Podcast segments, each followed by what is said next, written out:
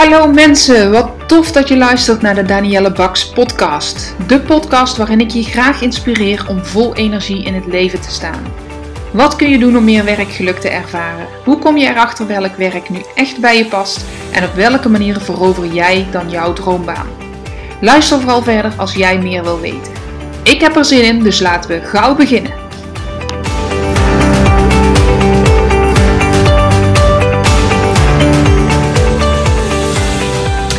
En deze keer een andersoortige podcast. In deze podcast hoor je namelijk het gesprek wat op Clubhouse heeft plaatsgevonden tussen Angelique de Kruijf en Jessica van Strien en ikzelf. Angela de Kruijf is ook een loopbaancoach en Jessica van Strien is, ja wat is ze eigenlijk niet? ze is van huis uit docent, heeft stappen gemaakt richting teamcoach en is daarnaast ook nog trouwambtenaar en ceremoniespreker.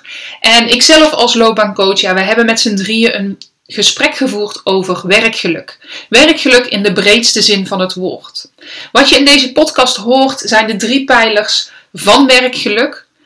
Zijn ehm, tips en adviezen en uh, ja, onze ervaring in teamcoaching, maar ook voor jou als individu. Het is het gesprek gaat alle kanten uit. En we hebben ook op het einde van het gesprek met elkaar afgesproken dat we hier zeker een vervolg aan geven. En ik vind het heel erg tof dat zowel Angelique als Jessica akkoord gingen met het opnemen van ons gesprek, zodat ik er een podcast van kan maken en zodat jij die nu vandaag nog terug kan luisteren. Ik wens je heel veel plezier en Laat ons vooral weten welke vragen dit bij jou oproept, welke vragen je nog hebt, want dan gaan wij daar gewoon een nieuw gesprek over aan. Ik wens jou veel plezier met het beluisteren van dit gesprek. Hey, en uh, want ik ben nou ook wel heel erg benieuwd hoe jij eigenlijk in het thema werkgeluk staat. Wat heeft dat voor jou persoonlijk voor betekenis gehad? Ja, nog steeds. Ja, nog steeds. Weet je, werkgeluk vind ik heel belangrijk. En ik merk ook um, dat dat echt een stukje de drive is, de drijfveer is achter uh, het werk wat ik doe. Voor mezelf, maar ook voor de mensen, voor de voornamelijk vrouwen uh, waarmee ik werk. Dat ik denk, oh, ik zie nog, vanmorgen nog had ik een, uh, een dame aan de lijn van 28, net moeder geworden. Uh, loopt wat vast in haar werk omdat ze te weinig uitdaging heeft en tegelijkertijd ook struggelt met werk-privé-balans. En ik werd zo blij van wat ze zei, want ze zegt: Ja, ik wil, ik wil gewoon energie uit mijn werk halen en leuk werk doen. Terwijl ze pas sinds april moeder is. En ik, wat ik heel veel zie, en waar zij dus de, een van de uitzonderingen op is, is dat ze zei: Ja, volgens mij moet en leuk werk en uh, moederschap heel goed samen kunnen. En wat ik zie is dat veel mensen veel vrouwen zichzelf wegcijferen en denken: ja, weet je, als de kinderen ouder zijn en uh, dat, komt, dat komt wel weer een keer. Eerst heb ik nu dit, eerst ga ik nu voor mijn kind zorgen, of eerst ga ik. En dan denk ik altijd: oh, maar het kan zo goed samen gaan. En, ja, absoluut. Nou, ik denk zelfs dat het het kan versterken. Als jij goed in je werk zit, lekker werk zit, plezier beleeft, dan is dat ook thuis te zien. Ja, ja, zeker. En dat heeft, wat mij betreft, ehm, en, en dat merk ik zelf ook, heeft dat alles te maken met als jij werk doet wat bij je past, dan krijg je daar energie van, in plaats van dat het je heel veel energie kost. En dan ben je op het einde van de dag niet aan het einde van je Latijn. Dan heb je nog energie over. Dan heb je energie gekregen omdat je je werk leuk vindt. En dan ben je een leukere moeder. Ik ben sinds vorig jaar februari volledig uh, zelfstandig gegaan. En ik merk gewoon dat ik veel minder stress heb. En niet dat ik daarvoor heel veel stress had, maar de stress al van een ochtendroutine bijvoorbeeld, of een avondroutine. Snel, snel naar huis, boodschappen doen, uh, koken, eten met de kinderen, kinderen in bad en weer naar bed. En dat je om acht uur op de bank ploft, alles op hebt geruimd en denkt, oh, en nou wil ik eigenlijk naar bed. En uh, ik merk gewoon dat als je werk doet wat bij je past en wat je leuk vindt en daar krijg je energie van, dat je dan op het einde van de dag thuis komt en relaxter bent. En sinds een jaar heb ik natuurlijk, uh, zijn we sowieso allemaal thuis aan het werk. Wat voor de ene ervoor zorgt dat ze juist nog meer drukte en werkdruk ervaren. Ik merk gewoon dat ik zoveel meer relaxed ben. ehm, ja, dat, dat voegt heel veel toe aan mijn werkgeluk. Maar om. Ja, fijn, mooi. Ja. Oh, hoi, Angelique. Ik eh, zie dat we iemand in de room hebben. Angelique, leuk dat je er bent. We zijn, uh, Jessica en ik zijn in gesprek over werkgeluk. En ja, wanneer heb je dat wel, wanneer heb je dat niet? Wat betekent dat voor ons? Dus uh, mocht je daar vragen over hebben of het gesprek over aan willen gaan, dan kun je je handje omhoog doen en dan nodigen we je graag uit.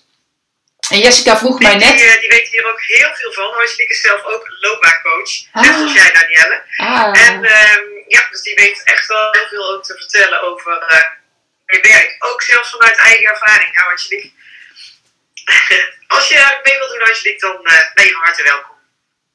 En jij vroeg mij om even mijn verhaal af te maken waar we toen straks. Uh, want je vroeg mij hoe zit dat bij jou met je werkgeluk? En ja. ik, ik heb een stukje van mijn uh, drijfveren, van mijn passie uitgelegd. Van ja, ik, ik zie gewoon dat vrouwen zichzelf soms wegcijferen. En dat het gewoon en-en kan. Hè? Dat je en heel gelukkig kunt zijn in je werk. En uh, als moeder of als, als vrouw. En dat bevestigde jij. En wat daar voor mij heel belangrijk in is, is deels wat waar we het net over hadden jezelf kunnen uh, ontwikkelen en kunnen blijven leren. Um, en ik heb ooit van iemand die, uh, die mijn leidinggevende was, een, uh, een, ja, eigenlijk een, een drie pijlers gehoord waar werkgeluk op gebaseerd is.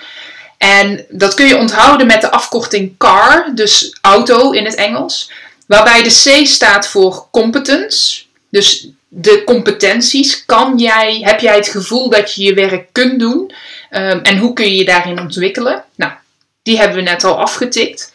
Um, de A staat voor autonomie, dus autonomie. Kun je jezelf zijn? En dat is iets wat ik bij heel veel mensen, klanten van mij ook vaak terugzie. Dat ze het gevoel hebben dat ze niet zichzelf kunnen zijn. Maar soms ook gewoon niet weten wie ze zijn. En dat klinkt heel zwaar, maar dan bedoel ik Um, ja, wat vind ik nou leuk? Wat past er bij mij? Daar zitten heel vaak vragen op. Dus als je merkt, hé, hey, mijn werkgeluk wil ik omhoog brengen, denk ik dat dat een hele mooie, um, ja, een hele mooie pijler is waarvan je dan kan denken, goh, hoe zit dat bij mij? Kan ik mezelf zijn in mijn werk? Hoe wel of hoe niet? En de derde pijler is de R van relatedness, oftewel verbinding. Hoe ben je verbonden met je werk, met je klanten, met je um, de werkzaamheden die je doet, met het product waar je misschien mee werkt. Uh, dus competence, autonomie en um, relatedness. Ik vond dat drie hele mooie pijlers. En als ik terugkijk bij mezelf, um, ja, dan kan ik ook wel in mijn loopbaan zien op welke punten er op een van die drie pijlers of meerdere, uh, waarop het begon te wringen. Hoe is dat uh, voor jou, Angelique, als je dit zo hoort, die drie, die drie pijlers? Herken je daar dan iets van, bij jezelf of bij uh, klanten van je? Ja, dat, ik vind het super mooie pijlers als je het hebt over uh, werkgeluk. En nou, wat bijvoorbeeld vorige week heb ik Jessica nog gezien, als je het dan hebt over verbinding. Ja, en dan op die manier, we hebben niet heel veel over het werk gehad, maar daar zorg ik wel echt voor, ja. Want dat is een van de grootste pijlers voor mij in ieder geval. In, in, in ervaren. Ja. Wat ik wel mooi vind, Danielle, dat is dat uh, ik eigenlijk die ingang ook wel gebruik bij bijvoorbeeld teams die samenwerken. Um, want als we het hebben over competenties, over vaardigheden, hè, dat, dat is vaak iets wat, uh, waaraan je bijvoorbeeld kunt werken, waar, waaraan je uh, ontwikkeling binnen het team kunt realiseren. Maar de vraag: kan ieder teamlid zichzelf zijn? Is iedereen goed zoals hij is? En daarnaast natuurlijk de relatie onderling, die verbinding met anderen, mm-hmm. die zorgt ervoor dat je binnen een team ook helemaal dus uh, in die flow terecht kunt komen. Om te zorgen dat je dus een, uh, ja, echt op, op goede effectiviteit met elkaar aan het werk bent. Dus het was wel mooi dat jij zegt van ja, je kunt dat dus voor jezelf pakken, maar dat kan eigenlijk ook als je al in die verbinding tussen die anderen zit ook dan is het belangrijk om, uh, om ook gewaardeerd te worden tot die persoon die je zelf bent. Ja, zeker, zeker. En, en nou, dat is ook iets wat, uh, wat je regelmatig terugziet, hè? zowel in jouw werk als in mijn werk, dat mensen zeggen, ja, het team, of aan de ene kant, of ik ben juist gelukkig omdat ik zo'n leuk team heb, maar vind mijn taken minder leuk. Of Ja. ja, ik vind mijn taken heel leuk, alleen de mensen met wie ik werk, daar, daar eh, ja. Ja. wringt het wat mee. Hoe pak jij zoiets aan? Kun je daar iets over vertellen of gaat dat echt eh, eh, te ver? Oh, jouw laatste vraag viel weg. Kan ik er iets over vertellen? Of? Of is dat ja, te complex om daar hier iets over te vertellen? Nee, dat kan zeker. Kijk, een van de waarden van een team is dat, dat iedereen die in dat team werkt gezien, gewaardeerd en ehm, ja, voldoende daarin ook eh, kan ontwikkelen. Hè? Mhm. Ehm, en als je in een team aan het werk gaat, zo'n vraag als eh, ja, één of twee mensen die buiten het team vallen of eh, die ehm, ja, minder aansluiting hebben, dat, dat, dat kom je gewoon heel vaak tegen. En de vraag is dan, hè, je kunt wel zeggen van de taak, daar zitten we prima op en we hebben een, eh, een goede samenwerking en, en die taak die, die, die brengen wij prima ten einde. Mhm. Ehm, maar als je het niet onderling niet goed hebt met elkaar, als, je dus, als het wringt of als er eh, achter de rug om geroddeld wordt of mensen zitten niet lekker in hun vel, Ja. en dan komt het nooit tot eigenlijk het maximale, het succesvolste wat er uit zo'n team te halen valt. En dat ga je merken. Je kunt het een tijd lang eh, best prima met elkaar doen, door gewoon te zeggen, ja, we zitten op een soort van ehm, automatische piloot en van daaruit werken we. Maar mensen gaan uitvallen. Die voelen dus inderdaad dat die ervaren dat werkgeluk niet meer. Die voelen zich niet meer lekker op hun plek zitten. Gaan met eh, een verkeerd gevoel al naar het werk toe. Ehm, ja, dat zorgt ervoor dat, dat mensen gewoon eh, in zo'n team niet prettig meer met elkaar kunnen werken. En Ja. als, je dan, als je dan samen aan het werk gaat, ja, dan draait het natuurlijk ook wel voor een gedeelte rondom hè, hoe, hoe gaat de communicatie in het team. Maar het draait nog veel meer om wat wordt er allemaal niet uitgesproken binnen onze samenwerking. Dus datgene wat er nog onder die waterlinie plaatsvindt. Ja.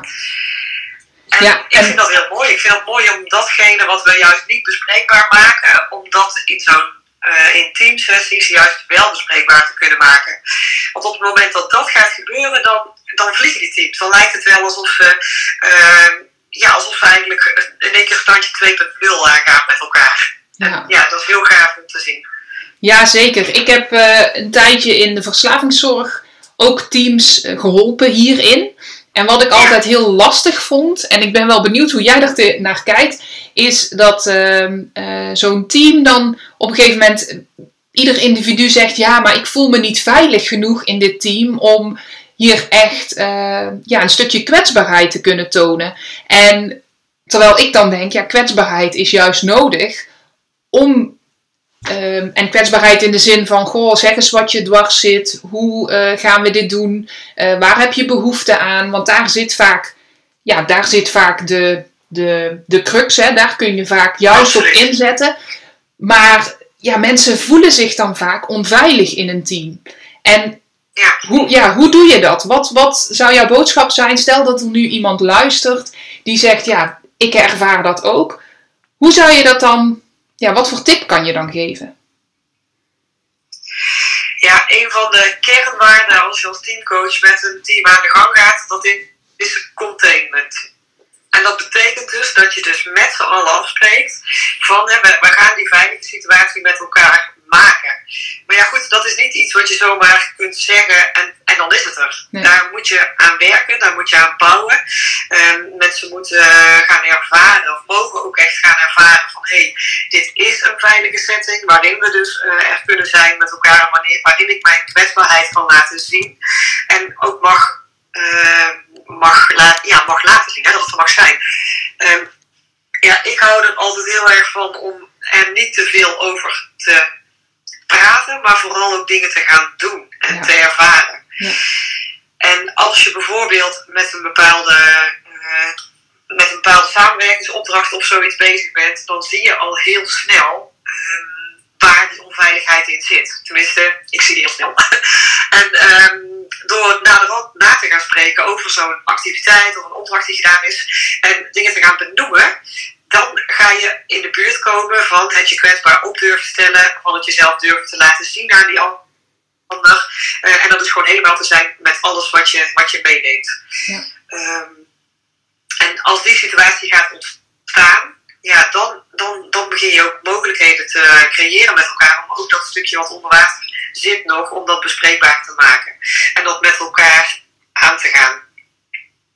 En dat is dus niet, dat, dat doe je niet zomaar even in een ochtendje. En dat doe je ook niet van we spreken nu af dat we in een veilig team werken. Nee, zo werkt het niet. Nee, en zo wordt het wel uh, vaak gezegd. Zo wordt het wel vaak aangevlogen. Hè? Ja. Van ja, laten we dit nou gewoon afspreken. En dan gaan we dat doen. Ja. Maar ja, daar is veel meer voor nodig. De, mooi, je, je omschrijft het mooi.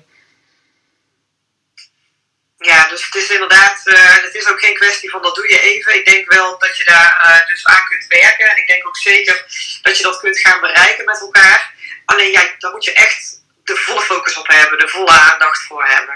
Ja. ja. ja.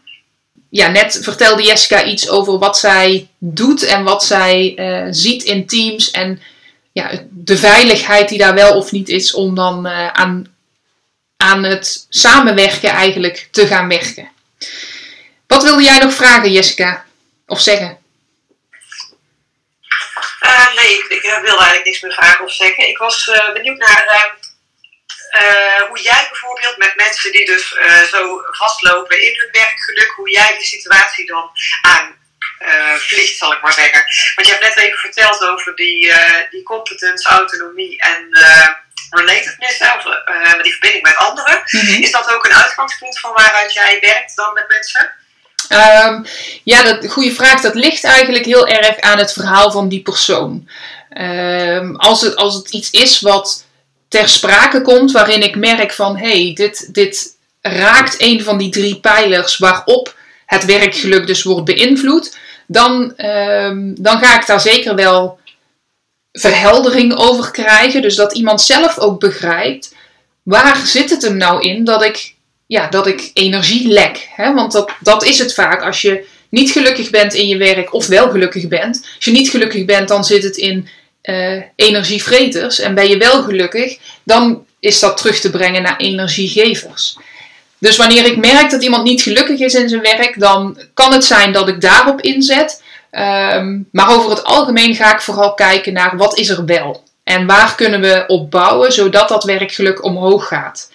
Dus Um, ja, als je vraagt, is dat een van de, van de uitgangspunten? Ik kan het erbij nemen, maar mijn uitgangspunt is veel meer wie ben jij en hoe zit jij in elkaar? Waar um, haal jij plezier uit in je werk? Waar ben je goed in? Wat gaat vanzelf? En door jezelf beter te leren kennen en te weten waar zitten nou jouw kwaliteiten, waar zitten nou jouw talenten? Um, en van daaruit verder te kijken. Dus ja, ik ga op een diepere laag onderzoeken.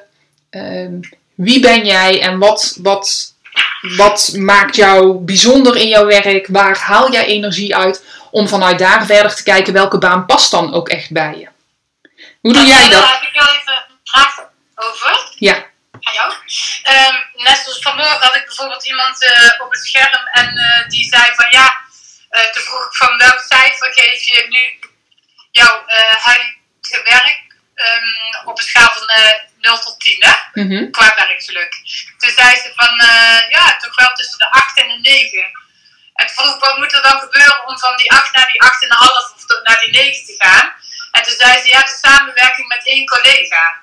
Dus dan zit het op de pijler van relatie, hè? Ja. Ja, op de pijler van relatie en misschien ook wel op, op autonomie, hè? op het gevoel kunnen hebben, uh, ben, kunnen, over het gevoel van, kan ik mezelf zijn? Ja, ja nou inderdaad, want daar, daarin gaf ze aan van, ja, ik heb al, die, die collega waar ze het over heeft, heeft een extreem introverte voorkeur.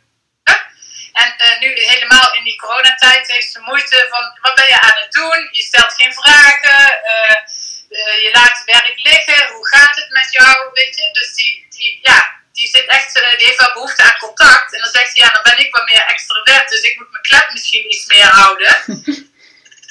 maar in hoeverre ga ik dan van mezelf afstappen? Ja. Dus ja. dat is wat je dan bedoelt met uh, autonomie bijvoorbeeld. Um, ja, dit is, dit is wat, wat kort natuurlijk omschreven. Hè? Als iemand uh, bij mij in het gesprek dat zou zeggen, dan zou ik kijken, goh, en waar ligt dan jouw behoefte? En wat ik er heel vaak bij haal op uh, een moment zoals dit, is, goh, deze uh, dame of heer, maar volgens mij is het een dame, die ehm, ervaart een soort van, ja, ik noem dat dan allergie.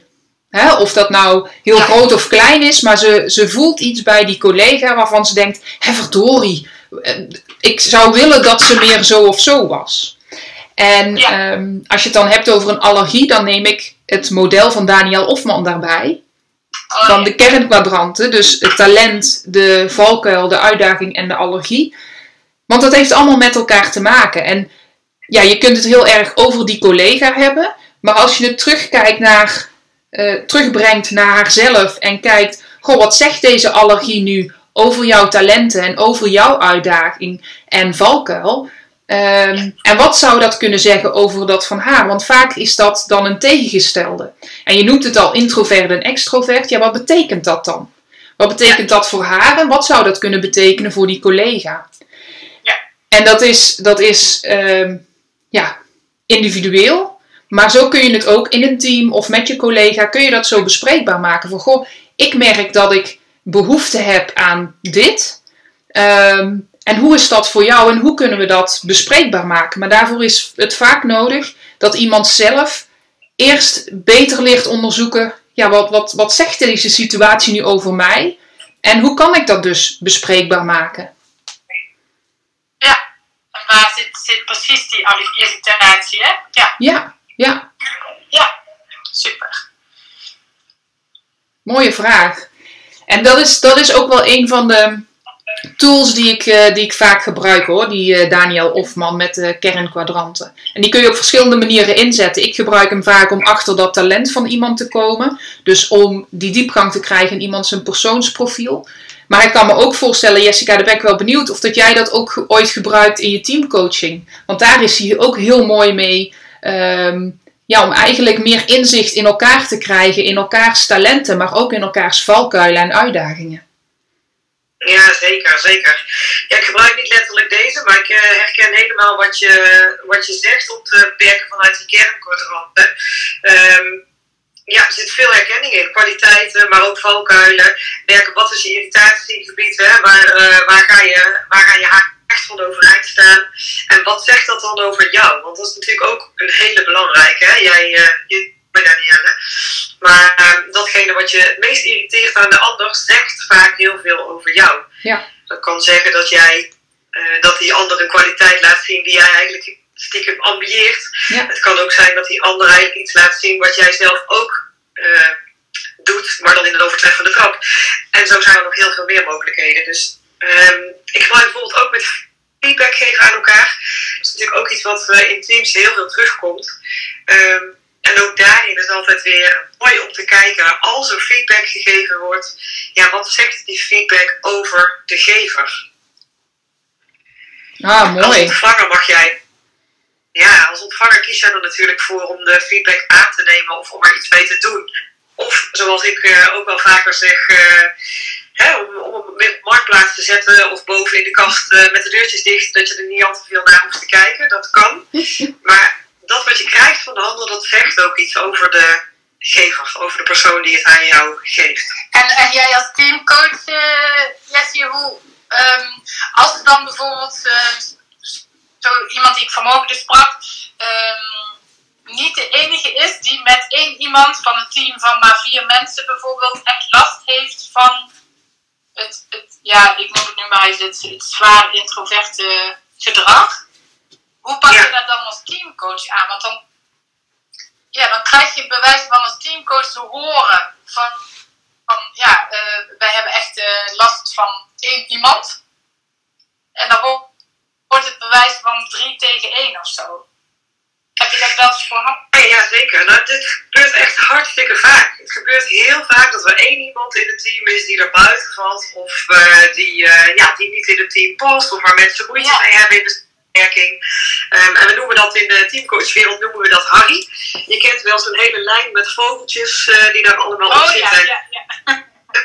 Kop. Ja, Nou, dat vogeltje op zijn kop is Harry.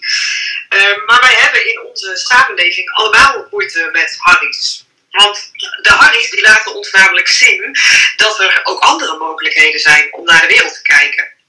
En als we met allen op één manier naar de wereld kijken en die ene Harry doet het anders, dan is Harry heel vervelend. En dan willen we die eigenlijk het liefst van de lijn aftrappen.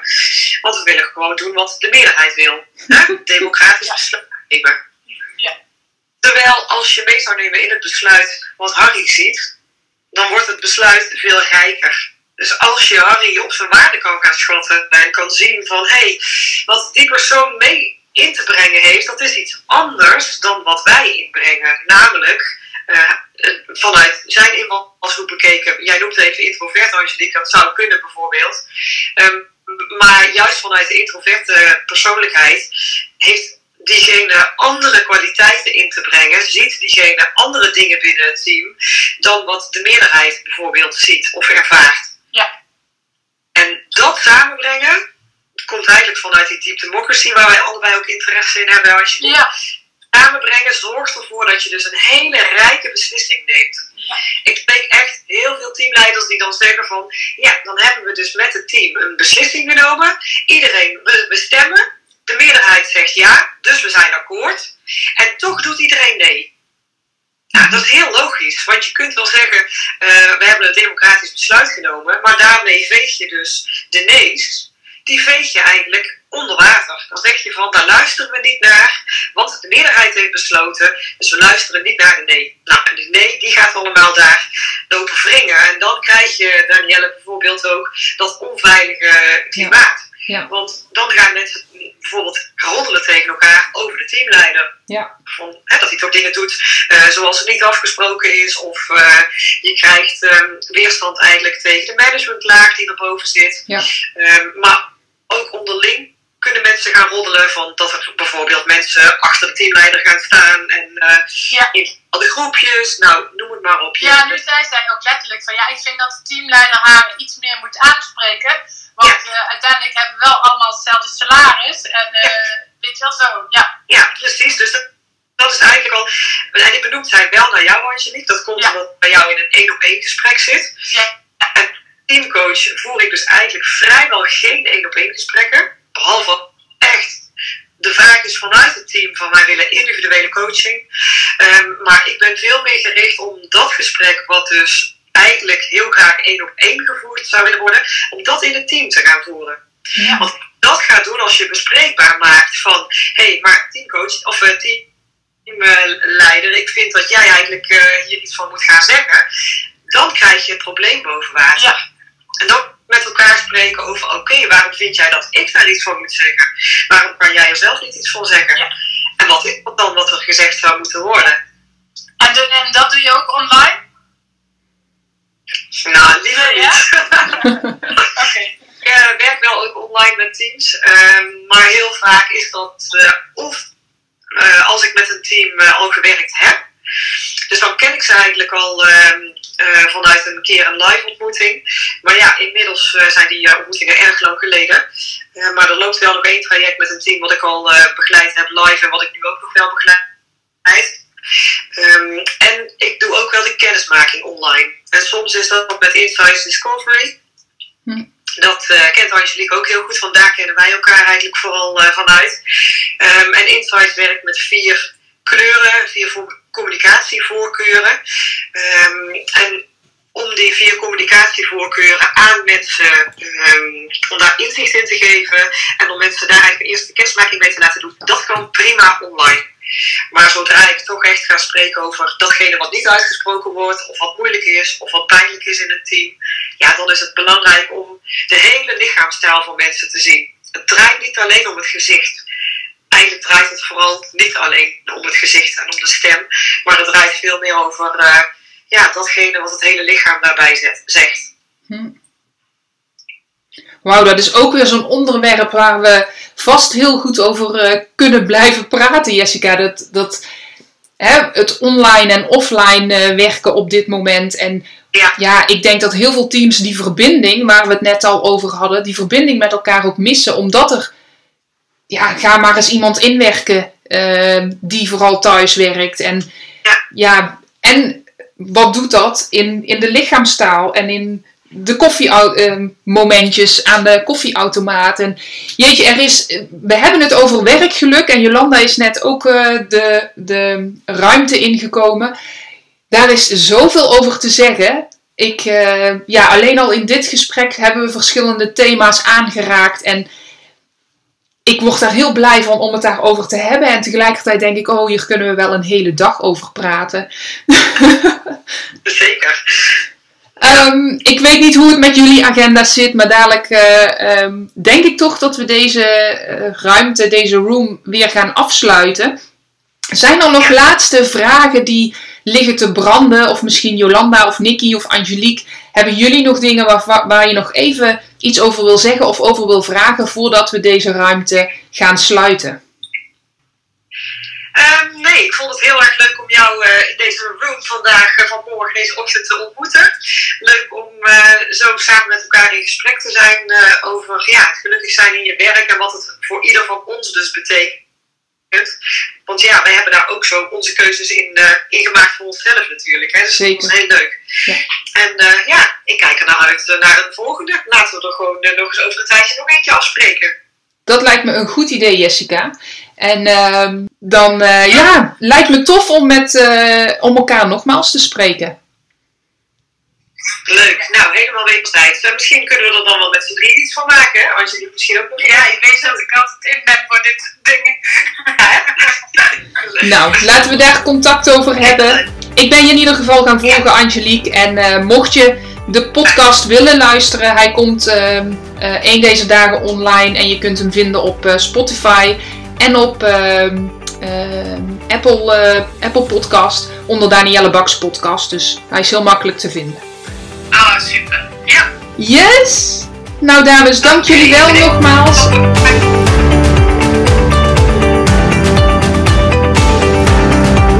Mensen, dank je wel voor het luisteren naar mijn podcast. Mocht je deze aflevering interessant hebben gevonden, maak dan even een screenshot en tag me op Instagram Stories. Ik vind het ontzettend leuk om te zien wie er luistert en door te delen inspireer jij ook anderen.